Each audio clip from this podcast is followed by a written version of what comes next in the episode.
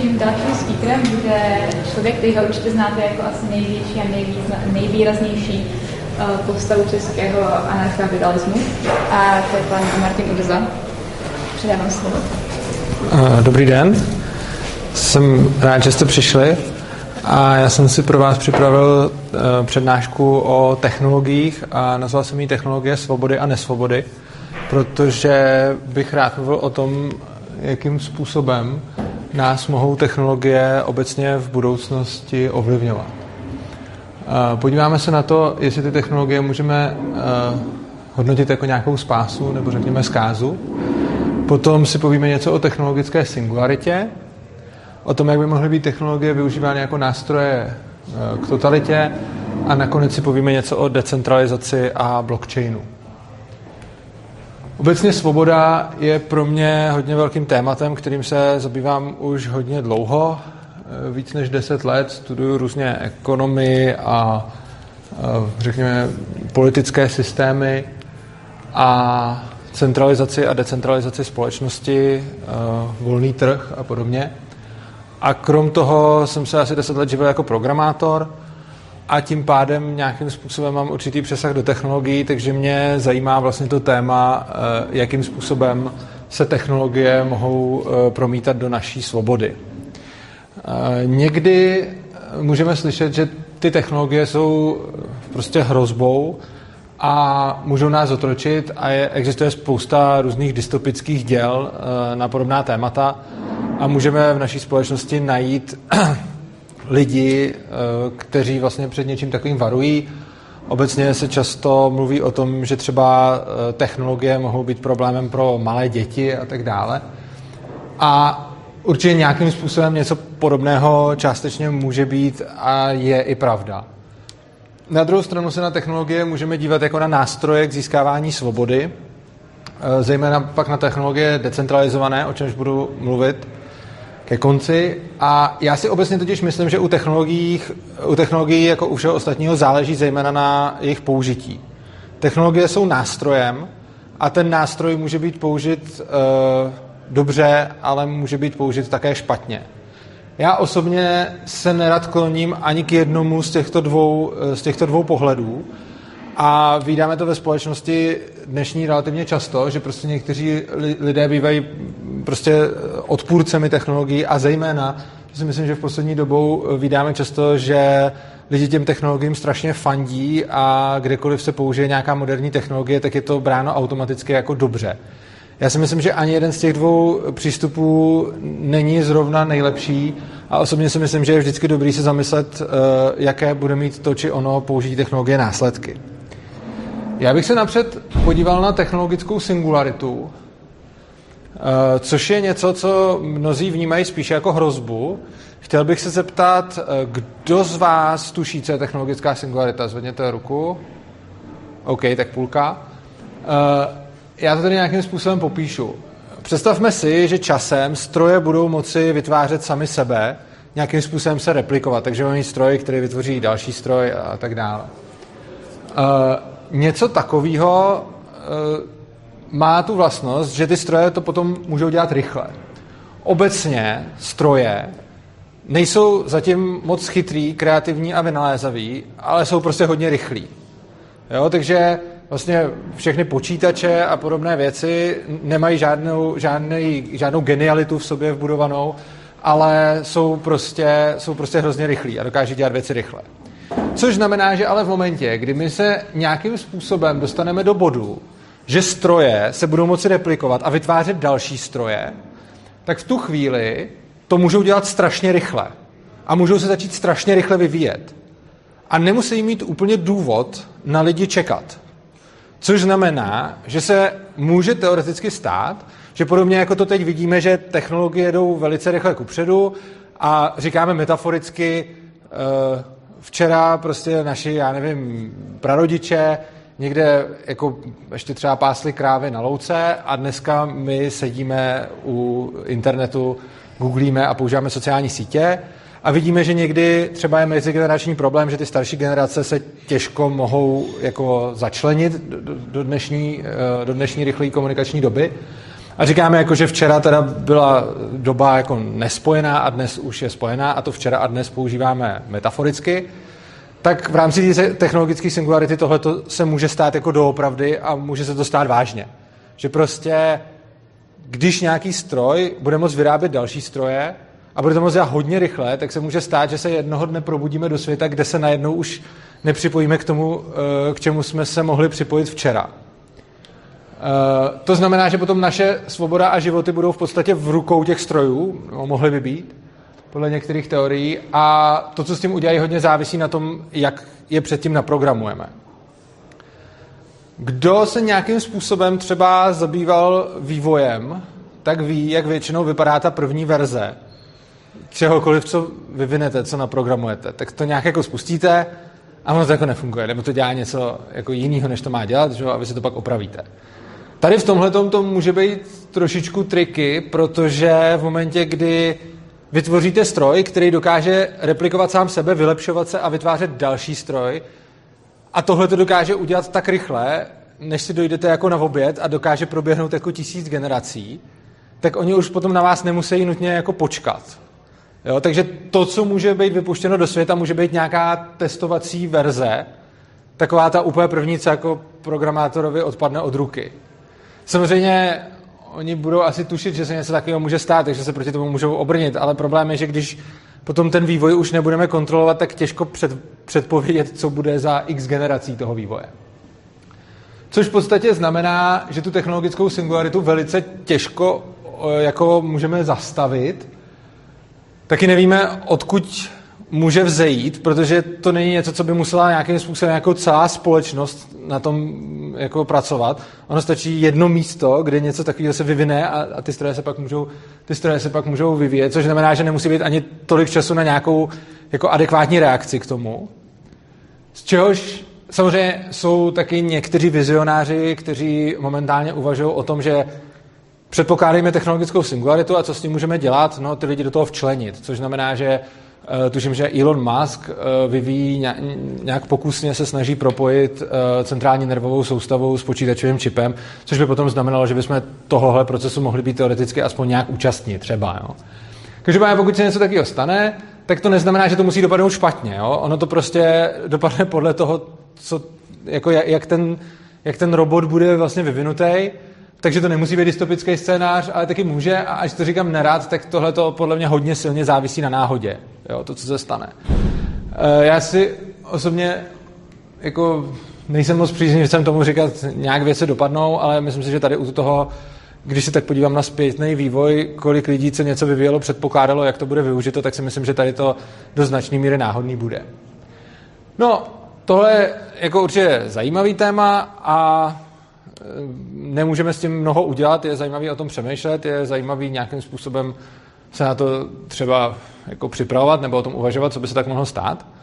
Každopádně tohle, takový to hodně sci-fi populární ohrožení lidí stroji, je zajímavý námět, ale já si myslím, že daleko aktuálnější je ohrožení lidí technologiemi, které budou mít v rukou jiní lidé.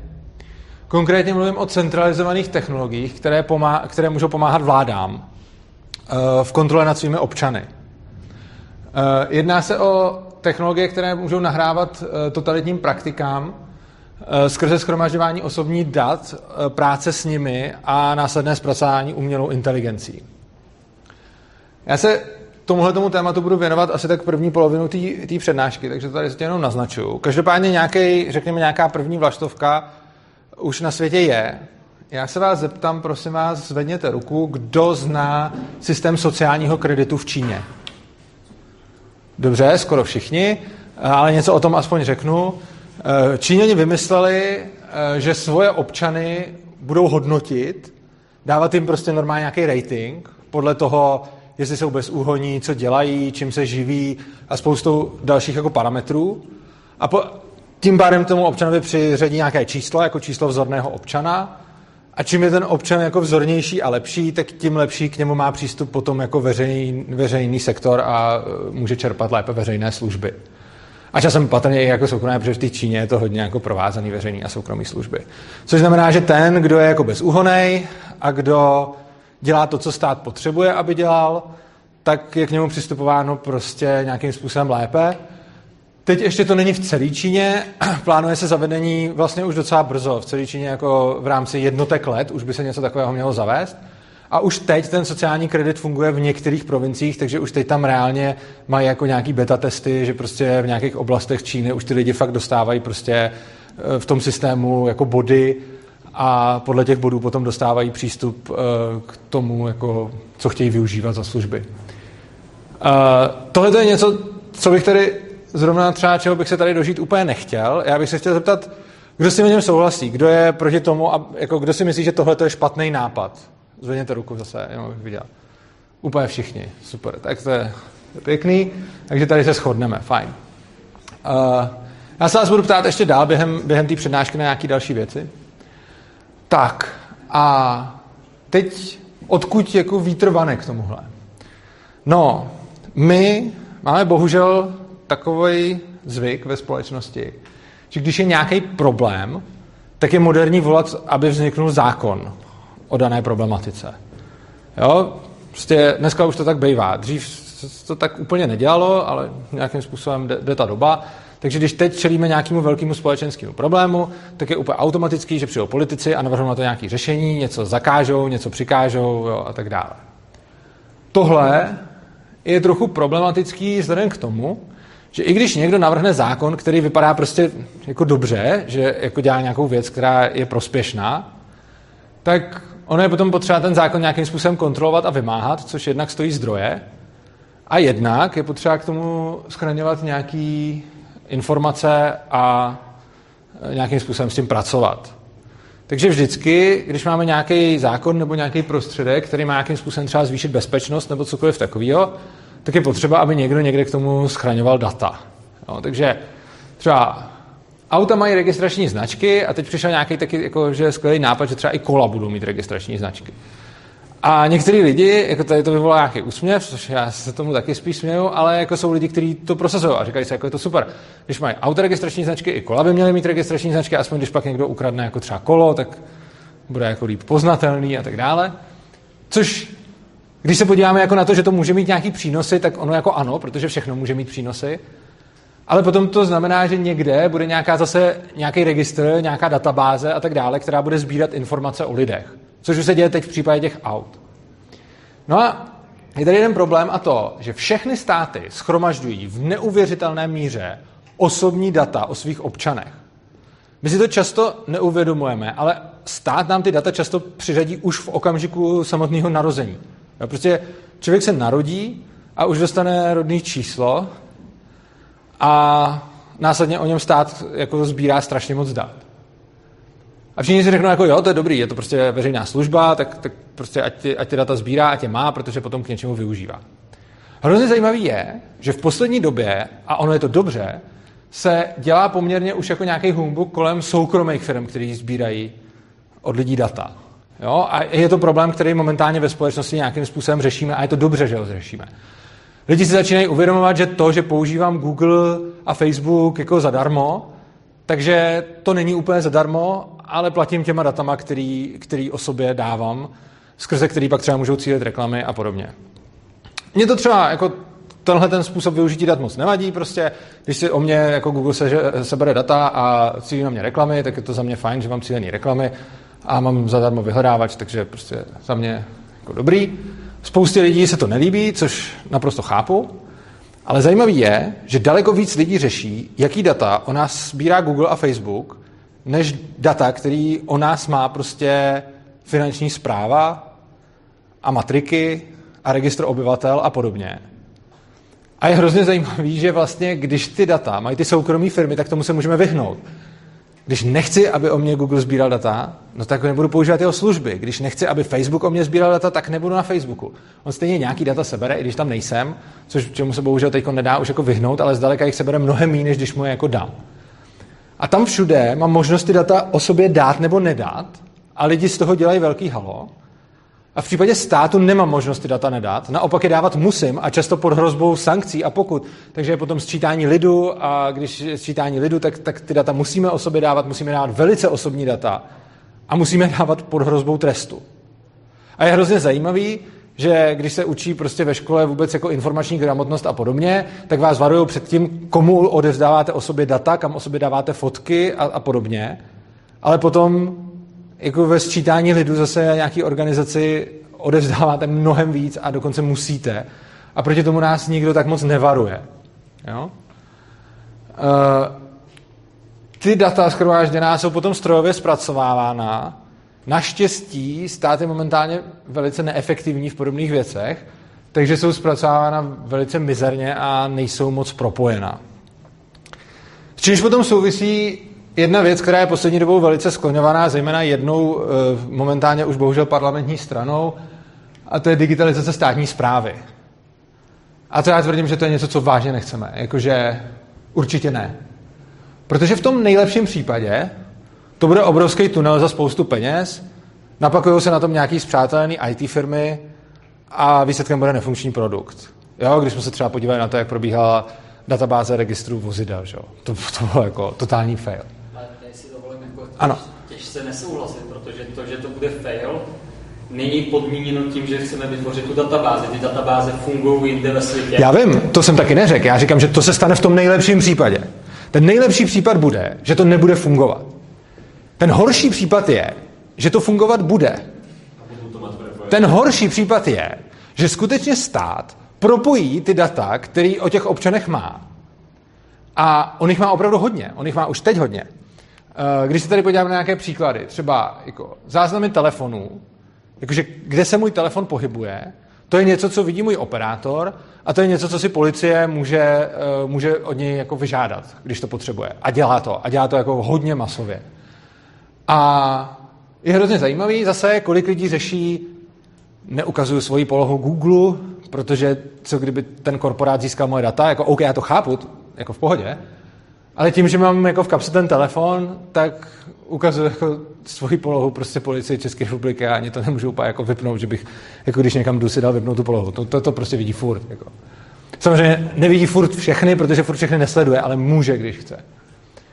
Eh, všude možně jsou kamery, že jo, tím se, to, to se také argumentuje bezpečností, celá prostě Praha, určitě Plzeň, je prostě jako zamořená kamerama, vlastně každý náměstí, všude je tam prostě velký, velký množství kamer.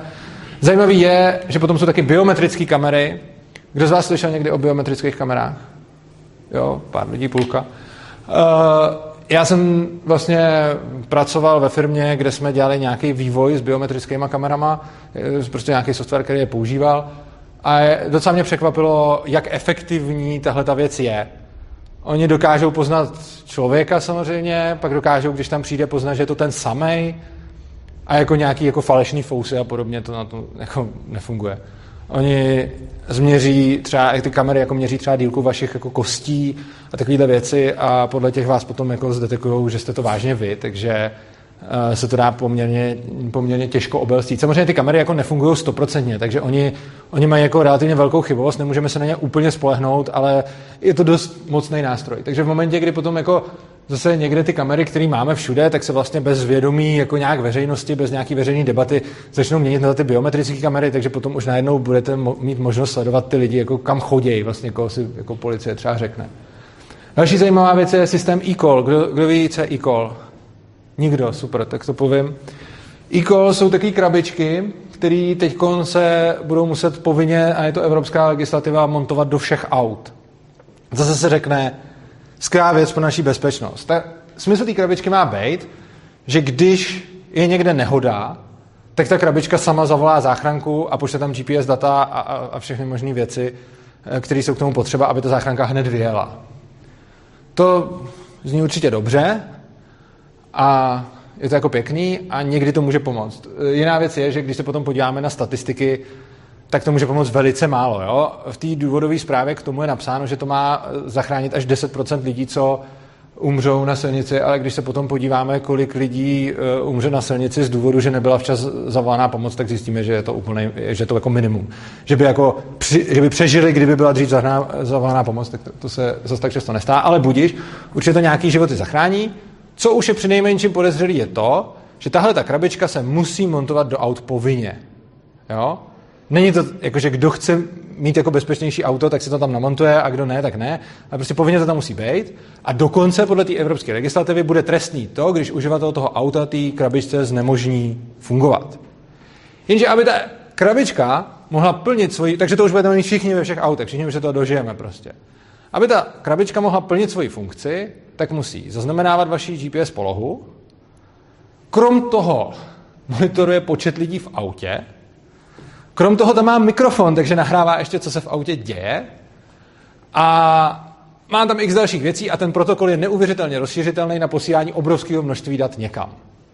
Zatím, na začátek, pilotní verze je udělaná tak, že ta krabička zaznamenává jenom teda pár vteřin a pak je jako smaže. Jenže je vlastně pořád online, takže to taky může kdykoliv kamkoliv poslat a vlastně uživatelé se to moc nedozví, takže stačí nahrát nějakou verzi firmwareu a najednou to začne fungovat jinak. Takže ta legislativa, ono to stačí prosadit, teď už to do všech aut musí jít a potom už ji stačí jako lehce inkrementálně upravovat, když se bude posílat pořád víc a víc dat a vždycky se to jako obhájí tím, že to jako pro bezpečnost na silnicích. No a tyhle ty všechny data, když bude nějaký stát a policie jako mít, a následně bude krásně digitalizovaná státní zpráva a oni ty data budou propojený, tak nad tím to je úplně jako vzorový úkol pro umělou inteligenci. Vyhledávat nepohodlný lidi. To, co umí umělá inteligence strašně dobře, jo, je umělá inteligence obecně lidma hrozně moc přeceňovaná. Jo, já jsem taky jako k, k práci s umělé inteligence jsem taky nějakou, nějakým způsobem během své praxe přičichnul. Každopádně lidi si často myslí, že to je Bůh ví co. Ono to zas tak super není, ale jednu věc to umí skvěle. A to, když mám nějakou velkou množinu něčeho, ať už třeba lidí, nebo obrázků, nebo čehokoliv, a já ty umělé inteligenci vysvětlím, že hledám osoby, obrázky, cokoliv, nějakého typu, že je ukážu prostě, chci takovýhle, tak ona hrozně dobře umí takovýhle vyhledávat. Typicky.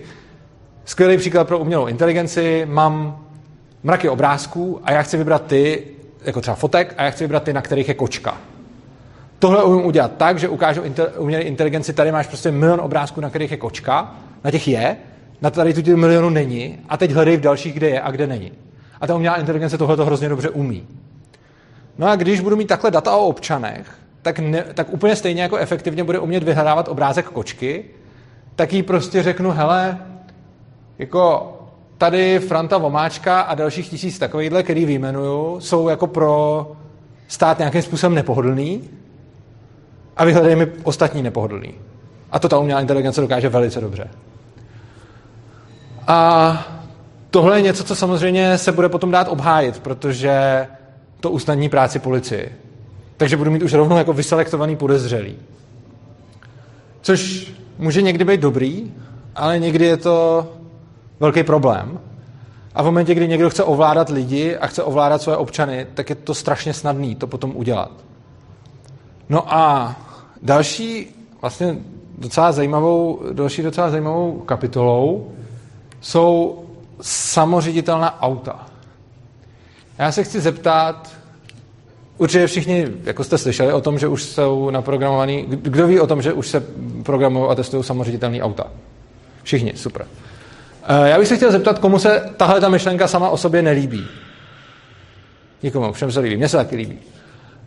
Uh, už nějaký takovýhle auta jezdí, fungují v dopravě, už měli nějaké nehody, které se samozřejmě mediálně rozmázly, ale je nutno říci, že na počet kilometrů, který ujeli, tak jsou už i teď jako lepší řidiči než, než lidi, což je jako hezký.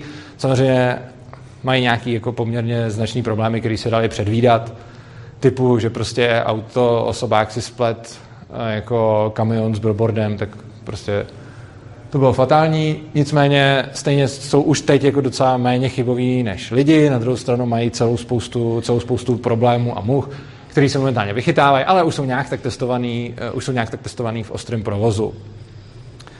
Dalším krokem pravděpodobně bude propojení těchto těch aut, jo? protože teď zatím jezdí pár samoředitelných aut jako po světě, jako po celém světě jich jezdí jako hodně, ale skoro nikde žádný nepotkáte, protože skoro všechny auta jsou řízení lidma. Když si představíte, že klidně za prostě 20 let, nebo i za víc, ono to asi potrvá, bude, budou prostě skoro všechny auta jako řízený už jako robotem, tak potom dává naprosto skvělý smysl je propojit a tím řešit strašně moc věcí v dopravě. Budete tím řešit dopravní špičky, budete tím řešit kolony. Takový ten problém kolon, že jo, když prostě se tam dějou takový ty vlny, že, jo, že se někde něco stane, teď se to jako rozjíždí zpomaluje, rozjíždí zpomaluje, tak to je to přesně to, co dělají lidi. V momentě, kdy tohle budou moc řídit stroje, které budou vzájemně neustále online propojený, tak oni se můžou všichni najednou rozjet třeba. Takže se nemusí dít to, že prostě padne zelená, že? a teď rozdíží se ty auta od začátku, oni se rozjedou prostě všechny najednou. Že? Jako oni by tohle to měli dělat i lidi, ale často to nedělají. No, tohle zní skvěle. Kdo by protestoval proti tomu, aby ty auta byly takhle jako propojený? Jeden člověk. Dobře. Uh, teď. Samozřejmě elektromobily jsou uh, velká otázka budoucnosti. Zase nevím, jakým způsobem budou či nebudou fungovat. Nicméně, kdyby se povedlo propojit tu síť těch aut, tak by se řešil jeden obrovský problém elektromobility. A to je potřeba tankování, respektive nabíjení. Dneska to, co stojí rozmachu elektromobilů nejvíc v cestě, je to, že když lidi potřebuje, když hodně lidí potřebuje v jednu dobu nabíjet, tak to moc nejde. Dneska u benzínky si natankujete prostě za pět minut a jedete. A natankovali jste na strašně dlouhou cestu. Když to s tím elektromobilem, to tam musíte prostě nějakou dobu nabíjet, jo, tu baterku. Ale v momentě, kdyby ty auta byly propojený a byly v té jedné síti, tak by mohli vědět, kolik jich bude potřebovat nabíjet, mohli by vědět, kde mají ty benzínky a ty benzínky by byly taky v té síti, nebo benzínky, ty, jako elekt, elektřínky, nebo já nevím, jak jsem říkal. Tak ty by byly taky v té síti a mohli by s těma automa komunikovat a vlastně by se teda mohl výrazně řešit tenhle ten problém.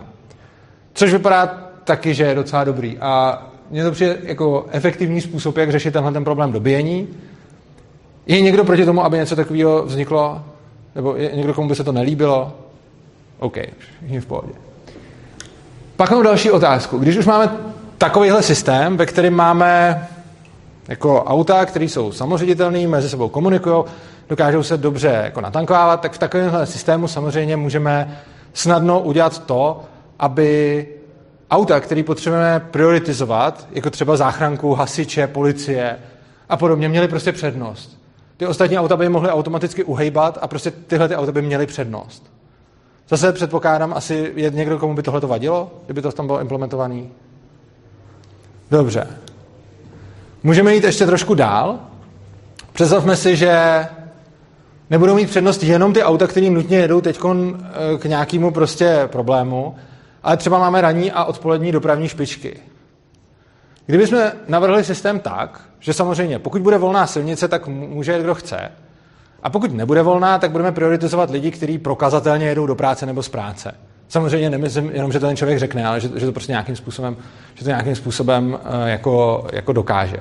Tím pádem by potom lidi, kteří mají pracovní cesty, teda museli jezdit ráno a večer, ale ty ostatní lidi, kteří se jedou prostě třeba nakoupit, tak by je to motivovalo nakupovat si v tom čase, kdy není dopravní špička. Je někdo, kdo by byl proti takovému systému? OK, jeden, dva, takže tím skoro všichni jsou pořád pro. Zkusil bych se zeptat ještě dál, kdyby jsme měli potom lidi, kteří by třeba dělali hodně dopravních nehod nebo přestupky, případně by byli nějakým způsobem jako problémoví a oproti tomu bychom měli lidi, kteří jako problémoví nejsou, byl by někdo proti tomu, aby se ty lidi, kteří jsou účastníci dopravy bezproblémoví, aby byli eh, zase jenom v případě toho, že není dostatek zdrojů, prioritizováni třeba v tom nabíjení nebo v tom ježdění před těma ostatníma, který třeba problémoví jsou nebo uh, mají nějaký, prostě páchají nějaký přestupky, zločiny a podobně? Dobře. Proti necelá půlka. Já vám gratuluju. Víte, co je strašně zajímavý? Úplně všichni z vás, všichni, jste byli proti čínskému systému sociálního kreditu. A teď jsem vám právě prodal ten samý systém. Jenom jsem to dobře okecal. Tohle je ono prostě. Když jsem tady na začátku řekl, v Číně mají systém, který dává lidem body a když ty lidi dělají přestupky a když se chovají špatně, tak potom mají horší přístup k veřejným službám. Chcete to tady? 100% z vás vedlo ruku, že to tady nechce. Ani jedna ruka nezůstala dole. A teď jsem to udělal trošku jako politik a to ještě zdaleka nejsem šikovný jako Babiš a podobně a nepoužíval jsem tady žádnou argumentaci mrtvýma dětma na silnici a podobně. Nebyl jsem až tak moc emotivní, ale jenom jsem vám popsal nějaký systém, který začíná vlastně něčím docela logickým a končí přesně tímhle. Končí tím, že uděláte přesně systém, který vám začne hodnotit lidi podle toho, jaký páchají přestupky, podle toho, jak jsou důležitý, podle toho, jestli je to doktor, který jede do práce, nebo je to recidivista, který má nějaký problémy, podle toho, jestli ten člověk je zrovna potřebný pro společnost a jede do práce, nebo jestli třeba tu práci nemá, nezaměstnaný by v tomhle systému byli postihovaný, že jo, samozřejmě, protože ty, kdo jedou do práce, mají vždycky přednost, že jo, to jsme si tady jako odsouhlasili. A přesto Kdybychom tady teď měli demokratické hlasování, tak napřed ten systém v Číně 100% z vás odmítlo. A když jsem to postavil tímhle způsobem, tak bych tady demokratickým hlasováním prošel a zavedl bych ho touhletou rétorikou. Uh, to je nebezpečný. A pozor na to. Protože nikdo vám neprodá ty věci způsobem, že vám bude říkat, tam v té zlé Číně ty zlí komunisti mají tu zlou diktaturu a tu zlou totalitu a tak to tady pojďte udělat taky. Ne. Všichni vám řeknou, hele, bude to bezpečný, hele, bude to dobrý, hele, bude to efektivní, hele, nebudete čekat na té benzínce, že jo? Nebudete čekat na to natankování. A potom úplně už vidím ty pořady v té televizi, kde prostě se na to koukají naštvaný lidi, kteří zrovna přijeli domů a čekali obrovskou frontu u, u toho na to dobíjení, že jo? A teď jim tam někdo bude říkat, nějaký politik na ně bude řvát, hej, tak jako vy spořádaní občané jedete z práce a čekali jste na dobíjení, tak jako kdo má záznamy v trestním rejstříku, tak ho přece upozadíme, ne? No a nakonec se dostaneme do toho sociálního kreditu. Takže na tohle to pozor a hlavně pozor na to, jak se co prodává, protože tohle je, myslím, strašně důležité si uvědomit. Že nikdo vám neřekne, hej, chcete totalitu, tady pro vás jednu mám, ale spíš vám řekne, hej, můžu vám zajistit bezpečnost, efektivitu a vy na to všechno kejvnete a potom se stane to, co se stane. Každopádně teď se dostaneme k něčemu trochu lepšímu. A teď jsem momentálně vzal tu část těch technologií, tu jako špatnou, tu dark side. A teď se podíváme uh, na něco trošku nadějnějšího. Osobně jsem dlouhodobě přesvědčený a jak říkám, vyplývá to z toho, co za dlouhou dobu jsem vypozoroval o nějaké ekonomii nebo chování lidí, případně i těch technologií, že čím je společnost centralizovanější, tím je většinou méně svobodná a čím více decentralizovaná, tím je svobodnější. Pozor, tohle neplatí vždycky. Není to jako, že bych říkal, že to v každém případě takhle musí být. Jo? Nemusí. Může to být různě, ale většinou centralizace znamená omezení svobody a decentralizace většinou znamená zvyšování svobody. Je to typicky proto, že největší nesvoboda vzniká tam, kde nemáte ani konkurenci, kde máte prostě jednu autoritu, která ovšem teda rozhoduje, což znamená, že kde máte to jedno centrální řízení, ať už by to byl nějaký stroj nebo člověk nebo kdokoliv, tak prostě to je ten, kdo jako vládne tomu, jak ten systém bude fungovat. A tam, kde je to decentralizovaný, tak tam si vzájemně jako ty účastníci té sítě konkurujou a platí to i ve společnosti, i v technologiích a tam, kde si konkurují, tak tam najednou prostě lidi dobrovolně jdou využívat služeb toho, kdo je poskytuje líp a je tam větší různorodost. Tohle je jako zajímavý poznatek uh, a bohužel nemám tady dostatek prostoru k tomu, abych to rozvíjel, to by bylo určitě třeba jako na hodinovou přednášku, ale rozhodně doporučuji se nad tím zamyslet, něco si o tom počíst, pogooglit, je to určitě zajímavé. Každopádně decentralizované technologie poslední dobou zažívají velký boom a uh, nejdůležitějším objevem decentralizovaným, podle mého názoru, z hlediska svobody, je blockchain. A troufám si tvrdit, že kryptoměny jsou cestou k ekonomické svobodě a o tom bych tady teď rád chvíli mluvil. Napřed ale vysvětlím, co to je blockchain. Já se ještě zeptám, eh, kdo z vás ví, co je blockchain? OK, polovina. Blockchain je distribuovaná decentralizovaná databáze, která má tu vlastnost, že se může furt rozšiřovat a má, je chráněná proti změnám. Jo? Že nemůže k ní kdokoliv jen tak přijít a změnit ji. Ani ty lidi, kteří mají na těch e, svých počítačích, kterých je vždycky hodně, jo? že se udržuje hodně kopií, hodně kopií naraz.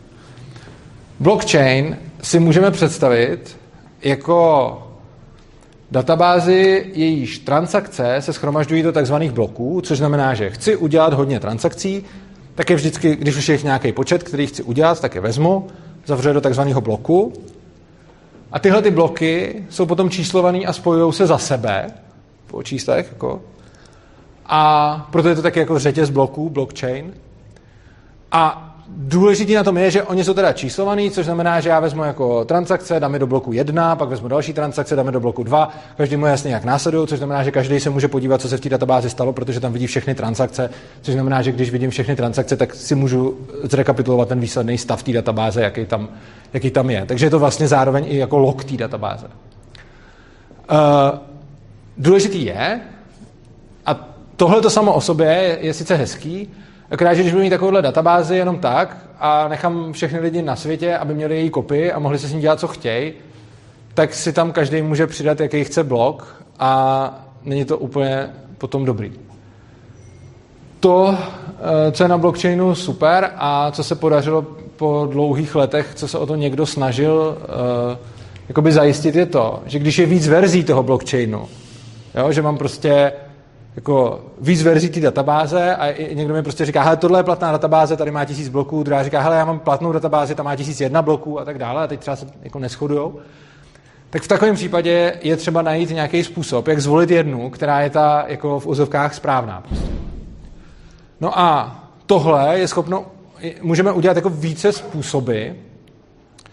Konkrétně většinou se říká vždycky proof of, jakože důkaz a teď čeho, jako třeba work, stake, capacity, importance a tak dále, je, je jako hodně, hodně možností.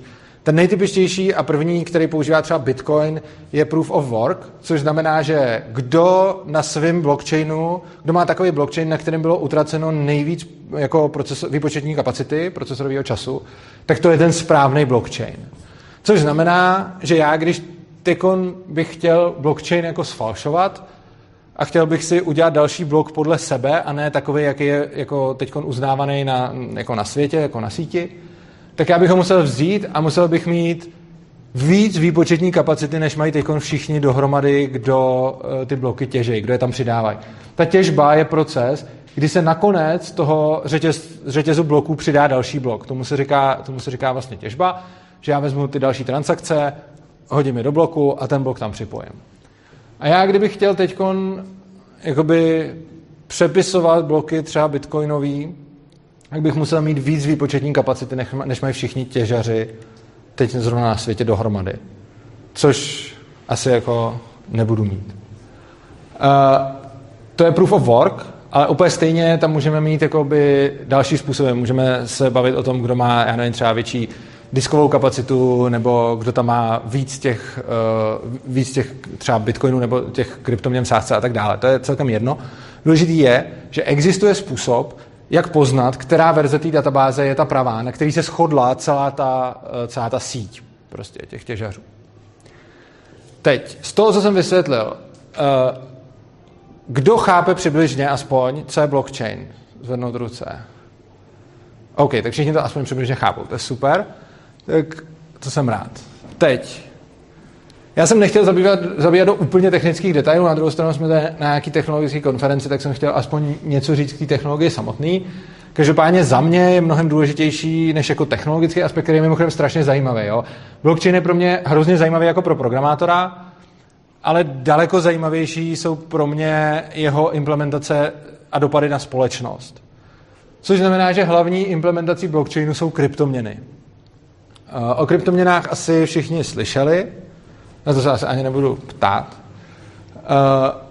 A blockchain je využíván jako účetní kniha těch kryptoměn. Což znamená, že já vlastně, když chci mít nějakou měnu, tak potřebuji vědět, na kterým účtu je kolik peněz. A mezi, tím, mezi těma účtama se ty peníze můžou přelejvat. Přelejvají se pomocí těch transakcí a ty transakce jsou zapsané v tom blockchainu, v té účetní knize a ten blockchain má tu vlastnost, Eh, že nejde měnit prostě, jo? Že, na to, že, že ho prostě nezměním. Čili, že mám nějaký, mám nějaký řetěz těch bloků, na kterém se shoduje jakoby všichni na celém světě, teda všichni prostě, všichni ty těžaři na síti na, na celém světě a tím pádem ho nemůžou měnit, čímž pádem vlastně všichni ty těžaři, kteří těží bitcoiny nebo jakoukoliv jinou kryptoměnu, tak zároveň udržují tu účetní knihu jak má vypadat a koukají se, na kterém účtu je tam kolik té měny. Těch kryptoměn je hrozně moc, jakože byly jich vytvořeny jako tisíce. Uh, nějakým způsobem se od sebe lišej, ale důležitá věc, nelišejí se zase až tak moc. Ten princip fungování je většinou velice podobný. Existuje nějaká veřejná účetní kniha, která nejde falšovat a na základě toho potom se ví, kdo má, na kterém účtu je jako kolik v ozovkách peněz, prostě těch, těch kryptoměn. Uh, důležitý na tom je, a to je jejich jako nejdůležitější vlastnost, oni nepotřebují centrální autoritu. Takže uh, zatímco, když mám třeba systém, já nevím, korun nebo něčeho takového, tak mám nějakou centrální autoritu, která je řídí, tak u systému kryptoměn nic takového nepotřebuju, a mám tu kryptoměnu a oni udržují decentralizovaně všechny ty uzly, který, který to používají. Zatímco ty státní peníze, ty fiat peníze ovládají centrální banky, což má několik vlastností. Jedna vlastnost je, že mohou inflací okrádat jejich držitele. To je taky hrozně zajímavá věc, kterou vám doporučuji se na to podívat. Inflace je něco, co je nám prezentováno jako věc, která tady musí být, která je dokonce správná. Dokonce někdo tvrdí, že je to přirozená věc. Ve skutečnosti inflace je prostě způsobovaná centrální bankou. A už to jde tak daleko, už žijeme v takém jako lehce orvelovském světě, že když se potom díváme na to, jak se prezentuje centrální banka, jsem zrovna asi, já nevím, bude to tak rok, co jsem psal nějaký otevřený dopis radě České televize, protože Česká televize vysílala pořad pro děti, ve kterém vysvětlovala jako zvýšení finanční gramotnosti, ve kterém zvyšovala, že centrální banka bojuje s inflací. To je fascinující. Centrální banka, která je objektivně příčinou inflace, protože neustále pouští do oběhu víc peněz, je prezentovaná dětem jako ten, kdo s inflací bojuje. Jo? Takže je to prezentováno tak, jako že inflace je něco, co tady jako máme na světě a centrální banka je ten bojovník s tou inflací. Ve skutečnosti centrální banka je původce té inflace. To, co se děje při inflaci, že peníze ztrácejí svoji reálnou hodnotu, takže reálně vám ty peníze, respektive ne ty peníze, ale jejich hodnotu někdo bere Což znamená, že vy, když jste držitelé peněz a držíte 100 000 korun, tak si za ně teď můžete koupit něco, ale za rok si budete moct koupit trošičku míň. A tohle je způsob, kterým vám ty peníze, kterým vám sice neberou, oni vám nevezmou z peněženky ty peníze, vy budete tam mít furt jako 100 000 korun, ale znižují jejich hodnotu a tím, že vytvářejí nové peníze, kterou, které můžou používat jiní lidi, což znamená, že inflace je nástroj, přerozdělování bohatství ve společnosti a je to umělej nástroj. Respektive samozřejmě může být inflace i přirozená, může být přirozená i deflace, ale současná inflace, kterou tady máme, je jednoznačně umělá a jednoznačně udržovaná centrální bankou, která tu inflaci i cíluje a vyvolává. Lidi ty peníze musí používat a jejich konkurence je potíraná. Uh, musíme používat ty peníze proto, že se v nich například vybírají daně. Vy nemůžete zaplatit daně v jiných penězích než jako v českých korunách. A když jste obchodník na území České republiky, tak máte ze zákona povinnost přijímat české koruny. Sice k tomu můžete ještě přijímat jiné měny a české koruny přijímat musíte. V některých zemích je potíraná ta konkurence, což se neděje tady, protože tady nikdo nějakou zásadní eh, konkurenci české koruně nevymyslel. Ale třeba v Americe uh, byl chlápek, Bernard von Nordhaus, který, který ho napadlo, že by mohl dělat konkurenci k dolaru, který není krytej zlatem ani žádným drahým kovem a vytvořil si svoji měnu, kterou kryl stříbrem, ta měna nabírala na popularitě, spoustu lidí si začalo tu měnu kupovat a ona ho potom sejmula FBI a e, dali mu jako trest za jako údajný padělání peněz, což byl docela jako takový no vtipný, ale velice smutný případ, kdy vlastně ho dostali jako na tom, že prej padělal jako americký čtvrták svojí mincí, která ale měla hodnotu 40krát vyšší. Takže jako, ještě navíc jako na, na tý, uh, ty mince vypadají jinak. Na jedné je obraz jako chlapa, na druhé je obraz ženský. Jsou teda podobně velký. A ta jeho mince, kterou on pouštěl do oběhu, má asi 40krát větší hodnotu. Nicméně na něj ušili to, že jako teda je to padělatel, který se snažil padělat ten čtvrták, což je zjevně blbost, ale přesto to stačilo na to, aby za to mohl jít sedět. Uh, každopádně kryptoměny jsou konkurencí těchto těch fiat měn po celém světě a jsou konkurencí takovou, která nejde moc snadno zrušit, protože nemají tu centrální autoritu. Oni před těmahle decentralizovanýma kryptoměnama byly pokusy o nějaký peníze, které byly centralizované, existoval například nějaký e-gold a podobně, což byly peníze krytý zlatem, ale měli centrální autoritu a tam udělala zase americká vláda to samé, že prostě když to začalo být populární, tak se jim toho, eh, kdo ten e-gold prostě emitoval a tím mu byl konec. Ty kryptoměny se nedají dost dobře jako sejmout, protože jsou decentralizovaný, což znamená, že když je po světě prostě strašně moc kopií blockchainu, tak i kdyby někdo jako vymazal prostě 99% z nich, tak stejně máme pořád ten blockchain. A tak se státy snaží aspoň regulovat nebo různě jinak poškozovat. A pak samozřejmě ty svoje fiat měny zvýhodňují. Což jsme si tady říkali třeba tím, že se v nich musí platit daně, musí v nich mít účetnictví a tak dále. Uh, ty kryptoměny na volném trhu peněz vlastně procházely boomem v roce 2017, takže před dvěma lety. To jste o nich možná většinou poprvé slyšeli, nevím, někdo možná i dřív. Každopádně strašně lidí do toho začalo investovat, protože si mysleli, že to je způsob, jak hrozně rychle zbohatnout. A strašně moc jiných lidí na to reagovalo tím, že vytvářeli podvodní projekty. A strašně moc naivních lidí si myslela, že vytváří funkční projekty, ale oni absolutně funkční nebyli. Takže vlastně ve světě kryptoměn, který byl, který vlastně už existuje od roku 2009, tak byl strašně dlouho nepovšimnut, strašně dlouho se o to nikdo moc, nikdo moc nezajímal. A když jsem mluvil s lidma o kryptoměnách před tím rokem 2017 třeba, tak mě měli za úplnýho blázna a říkali, to je prostě nějaký, nějaký nesmysl, jako do toho nedávají peníze. A upřímně, já třeba jsem si taky myslel, že eh, jako když do toho dám peníze, že to je spíš jako symbolický akt toho, že podporuju konkurenci státní měně, než to, že by to k něčemu nakonec bylo. Pak přijel ten obrovský boom, začali o tom psát všude média, no a všichni to začali nakupovat. A začali to nakupovat lidi, kteří měli jediný cíl a to na tom co nejvíc vydělat a hlavně se o to nezajímat a nestrávit na tom žádný čas. Což potom vedlo k tomu, že strašně často přišli o svoje peníze a mnozí říkají jako dobře jim tak, já si to ani nemyslím, já si myslím, že je to jako ke škodě všech, ale prostě bohužel, když se lidi chtějí jen tak obohatit a někam se naženou, tak se tam objeví spousta podvodníků, který jim v tomhle jakoby výjdou vstříc. A tím pádem potom důvěra veřejnosti v kryptoměny byla jako silně narušená a po nějaký té době, když všichni ty lidi strašně jako horlivě nakupovali a mysleli si, že budou milionáři a postovali všude na internet obrázky toho lamba, který si koupí už za rok, když to půjde ještě takhle dál, tak potom tam začali ty samý lidi posílat obrázky různých jako hejtů na ty kryptoměny. Což se tak nějak dalo čekat, nicméně i navzdory tomu, že teda potom šla ta cena dolů, e, začalo se proti tomu varovat, e, některé prostě velké e, platformy internetové i zakázaly reklamy na kryptoměny na sobě a tak. A hodně lidí se to pokusilo posadit jako do, do kolony, tohle to je nějaký úplný podvod, prostě to nekupujte, je to celý jako letadlo tak nakonec se zjistilo, že skutečně z těch tisíce kryptoměn, z těch tisíců kryptoměn, skutečně většina z nich prostě skončila, protože byly opravdu k ničemu. No ale těch pár kvalitních přežilo a fungují dodnes a dneska mají nějakou hodnotu. A myslím si, že tohle byl jako očistný tržní proces a že to něco, co ukazuje, že ten volný trh sice nefunguje perfektně v tom smyslu, že by každý, kdo tam přijde a nic nevěděl, tam dal peníze a dostal z toho stokrát tolik, tak prostě volný trh nefunguje taky funguje tak, že hodně lidí, co tam přijde a dá tam peníze a něco tam neví, tak je někdo podvede, což bohužel. Na druhou stranu to umí krásně oddělit jako zrna od plev v tom smyslu, že teď vidíme, jako ono už to bylo, kdo tomu trochu rozuměl, tak už v tom roce 2017 dokázal detekovat, že 99% těch kryptoměn a kterých budou prostě k ničemu.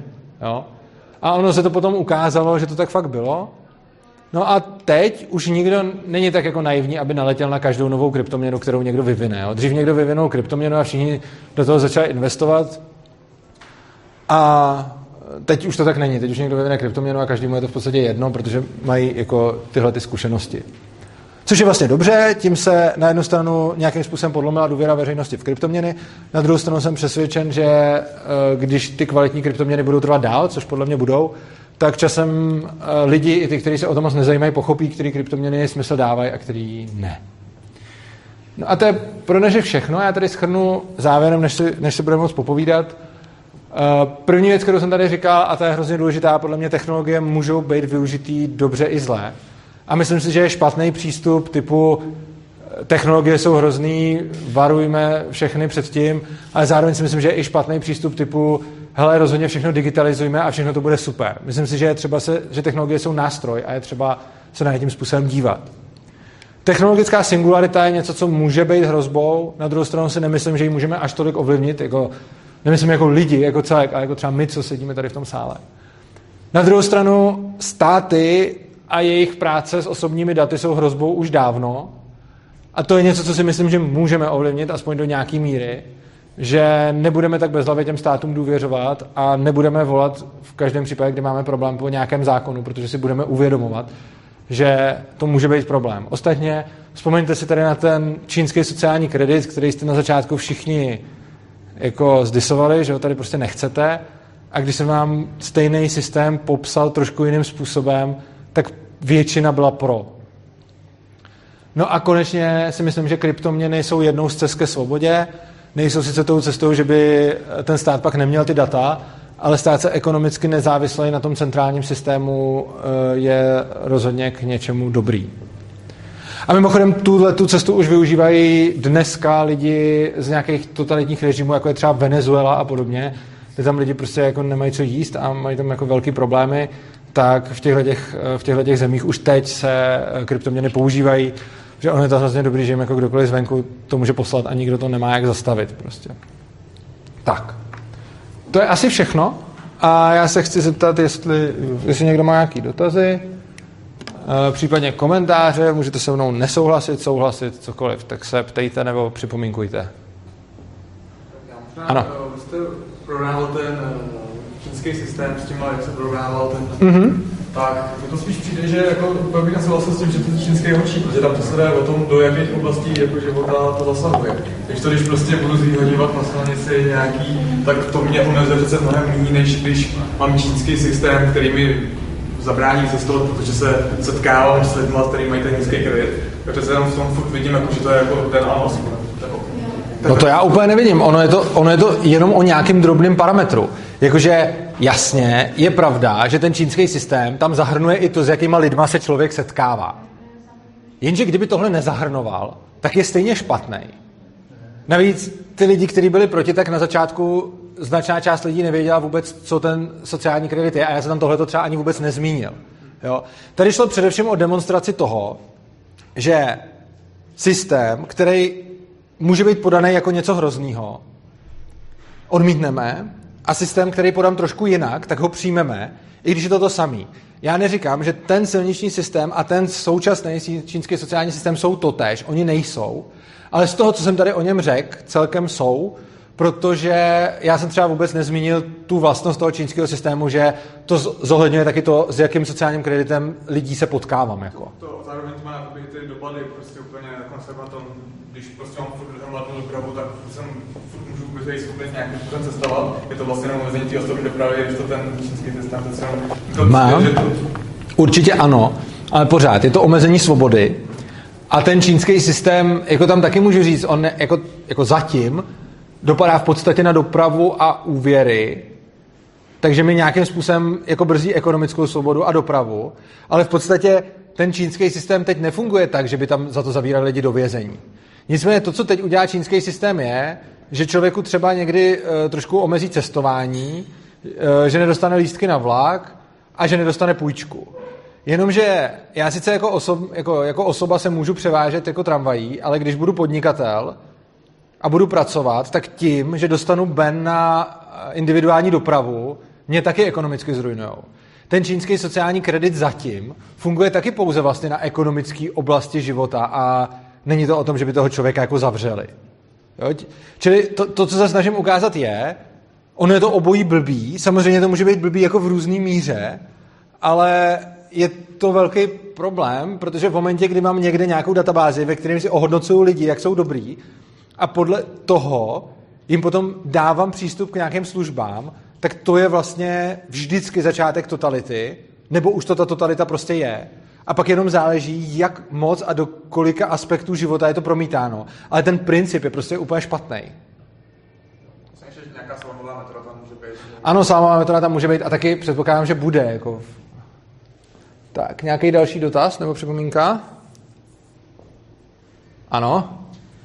Tak já souhlasím, jsi říkal, samozřejmě s tím principem, že to, je to stejně o jedné o jedný, věci, která bude doprava, věcí bude, bude i další. Já jenom, že ty, že ty otázky, co, co si dával k tomu uh, té dopravě, tak jak to bylo postupně, postupně se ptal a dál, uh, byl trošičku zavádějící, já bych býval jinak zvedal rukou už od asi ty otázky, protože uh, tam si vlastně neřekl, jako, kdo by o tom měl nějakým způsobem rozhodovat, kdo kde bude mít jak a tak přednost. Uh, v Číně řeší, řeší teda stát. Já, protože jsme se bavili o nějakém teoretickém systému, teoretických mm-hmm. aut, který teoreticky jako budou fungovat v situaci, kdy všechno bylo elektromobil a tak dále, uh, tak pokud by to probíhalo na soukromých silnicích, tak samozřejmě, ať si okay.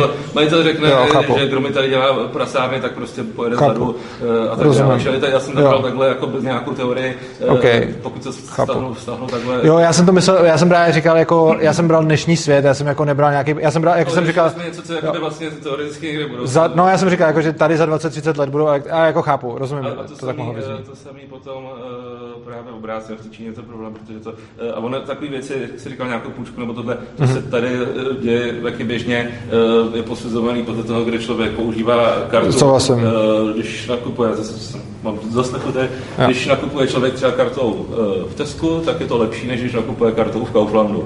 Aha. Třeba. Ale za to, oni se, ale tak to si dělá soukromá. Jo, jo, mě to jenom překvapuje. Ale prostě opravdu a pak prostě má takový nějaký kredit a tu půjčku jo. třeba nedostane, protože nakupuje. Jo, jako, tak, jako samozřejmě. Já jsem vycházel z toho, že já jsem vycházel už z toho, jak jsem říkal, že bude centrálně řízená síť dopravy, no. Eh, kde, kde budou všechny ty auta prostě takhle propojený. No. A jako, jo. samozřejmě chápu. Tak, nějaký další dotaz? Ještě máme třeba dvě minutky, tak jeden můžeme stihnout. Nikdo? To není dotaz, ale to ano. Ono napríklad teraz, ak je problém, že keď máš nejakého oligarchu, ktorý sa niečo manipuluje, ano. tak keď budeme mať nejaké predikčné markety, znova ten oligarcha si môže kúpiť na nejakej burze alebo úplne ideálne mimo nejakej kryptomeny a môže na tom predikčnom markete rovnako manipulovať, že tá distribúcia bohatstva týmto stále nie je vyriešená, alebo že keď je niekto má veľa peňazí teraz a vie si to kúpiť zbraň alebo niekomu manipulovať, tak takisto si vie kúpiť aj veľa kryptomien a něž manipulovat. Takže... To může, ale poenta je, že mi nevezme, že, že když nemám inflační měnu, tak on mi nemůže další kryptoměny vyrobit, což mi Česká národní banka udělat může. Já když teď budu mít korunu a budu si ji furt mít v prasátku, tak za nějakou dobu za tu korunu koupím míň, ale ztratí hodnotu. Ale když budu mít jako, jako bitcoin, tak on jako může technicky ztratit hodnotu tím, že třeba lidi se přestanou zajímat o bitcoiny, ale budíš, ale rozhodně nestratí hodnotu tím, že by mi někdo na světě vyrobil další bitcoiny, s kterými jsem nepočítal a který se najednou od někud vzali a který vlastně mě tu hodnotu odbírají. Oni bitcoiny taky ještě pomalinku trošičku přibývají, ale jako jejich, jejich strop a prostě nebude jich víc než 21 milionů nikdy prostě. A to, to se dá matematicky dokázat, což znamená, že vlastně bitcoinu bude... Ano, může se změnit, ano, může se změnit konsenzus, ale na tom se musí dohodnout celá síť. A je to přesně zase ten případ, že jako ano, samozřejmě můžou teoreticky okrást všichni ostatní držitele, ale nemůže to udělat jedna centrální jako autorita, což u těch korun udělat jako může. Tak já vám moc děkuji, že jste přišli a ukončíme to, aby jsme nepřetahovali do další přednášky. Mějte se krásně a děkuji vám za pozornost.